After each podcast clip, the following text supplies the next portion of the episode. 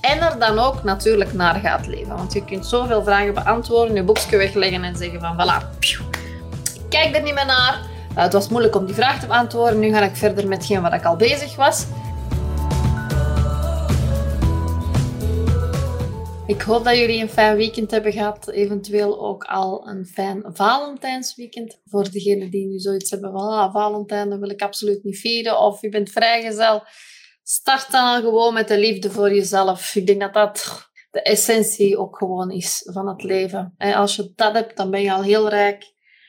En als je er heel erg naar verlangt om een partner te hebben, dan hoop ik ook dat je daarvoor kan openstellen dit jaar en dat je de dingen doet die voor jou nodig zijn om daar te geraken. Ik ben dit weekend naar Amsterdam geweest. Daar heb ik de liefde gevierd. Wat een mooie stad trouwens, zeg. Ik was er nog nooit geweest. Ik had een weekendje weggewonnen omdat ik mee had gedaan aan een game, een, een soort van spel, dat mijn businesscoach organiseerde. En degene die de hoogste omzet had gedraaid en degene die de, het hoogst was gestegen in omzet, die kregen een luxe prijs. En dat was een overnachting met een diner en een ontbijt. Dus geweldig. En aangezien ik vorige week vrijdag naar een business evenement moest, al bijna in Amsterdam, had ik zoiets van, weet je wat, ik ga er ineens gebruik van maken. En uh, wauw, ja, heel mooie stad. Daar heb je echt alles. Hè. Daar heb je parken, daar heb water, daar heb je superveel winkels. Heel lekkere restaurants, dus echt een aanrader. Uh, maar dus de vrijdag ervoor ging ik naar een business evenement. En uh, daar wil ik het eventjes over hebben vandaag. Daar wil ik mijn inzichten over delen. En ik wil jou een vraag stellen die mij daar ook gesteld werd, die heel veel voor mij teweeggebracht heeft. En waarschijnlijk ook voor jou teweeg, veel teweeg zal brengen. Dus keep posted. Zes maanden terug heb ik trouwens een podcast opgenomen over de eerste live dagen van een business event dat ik heb gevolgd. En hoe mijn ervaring erover was, hoe dat verlopen is, dat was een heel speciale ervaring. Daar heb ik ook een podcast over opgenomen. Dus die kun je ook beluisteren. Eigenlijk draait het daar altijd om vragen beantwoorden bij jezelf.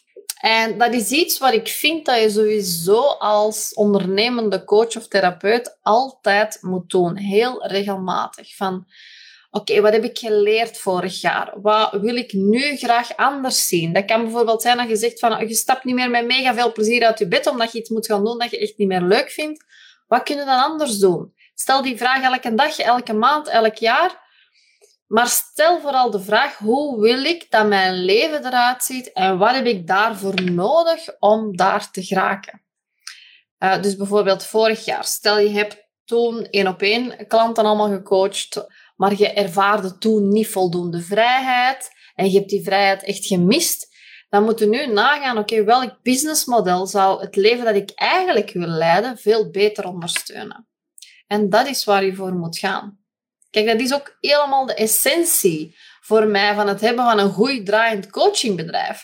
Dat, dat dat in lijn ligt met wie jij bent en hoe jij jouw leven wil indelen.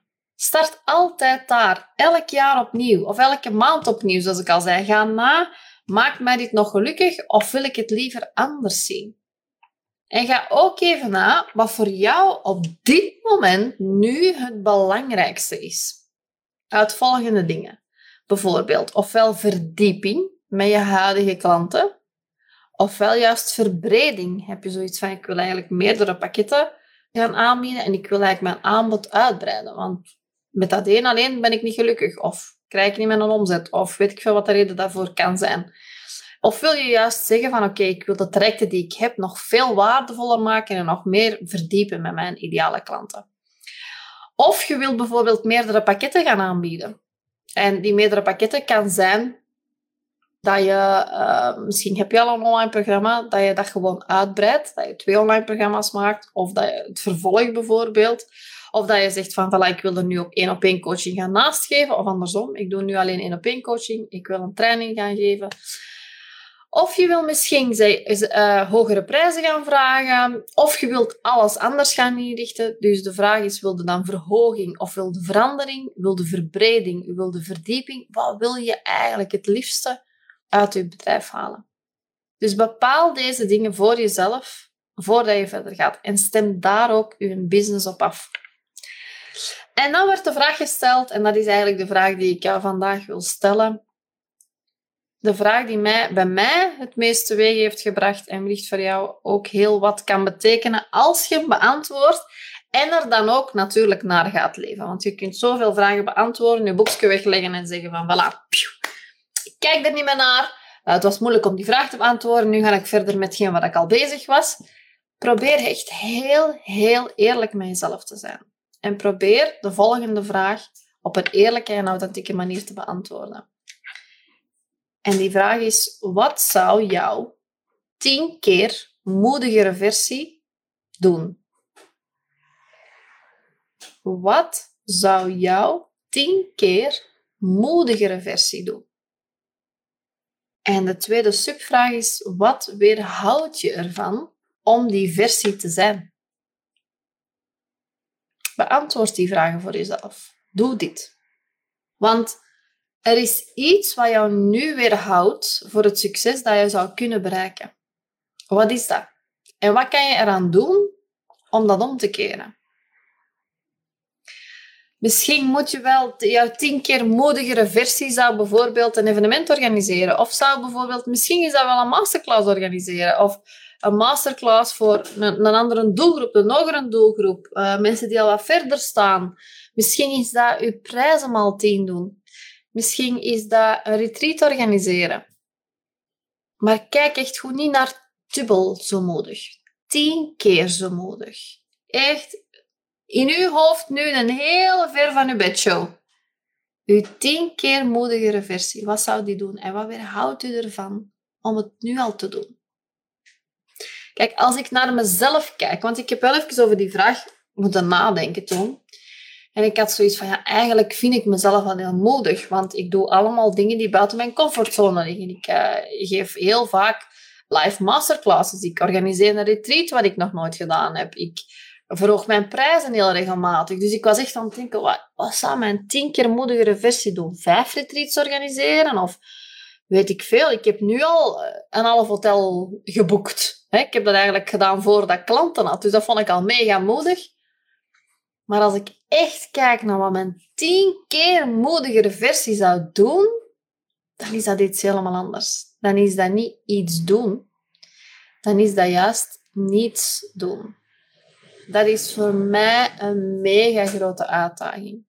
Dus niet ergens achteraan gaan, maar loslaten. En het naar mij laten toekomen. En eventjes misschien ertussenuit gaan. Misschien gewoon zeggen van, kijk, ik ga nu eens een half jaar niks doen. Gewoon niks doen. En alleen de dingen doen in dat half jaar wat ik wil doen. Het leven is al zo kort. Ik neem een half jaar vrij.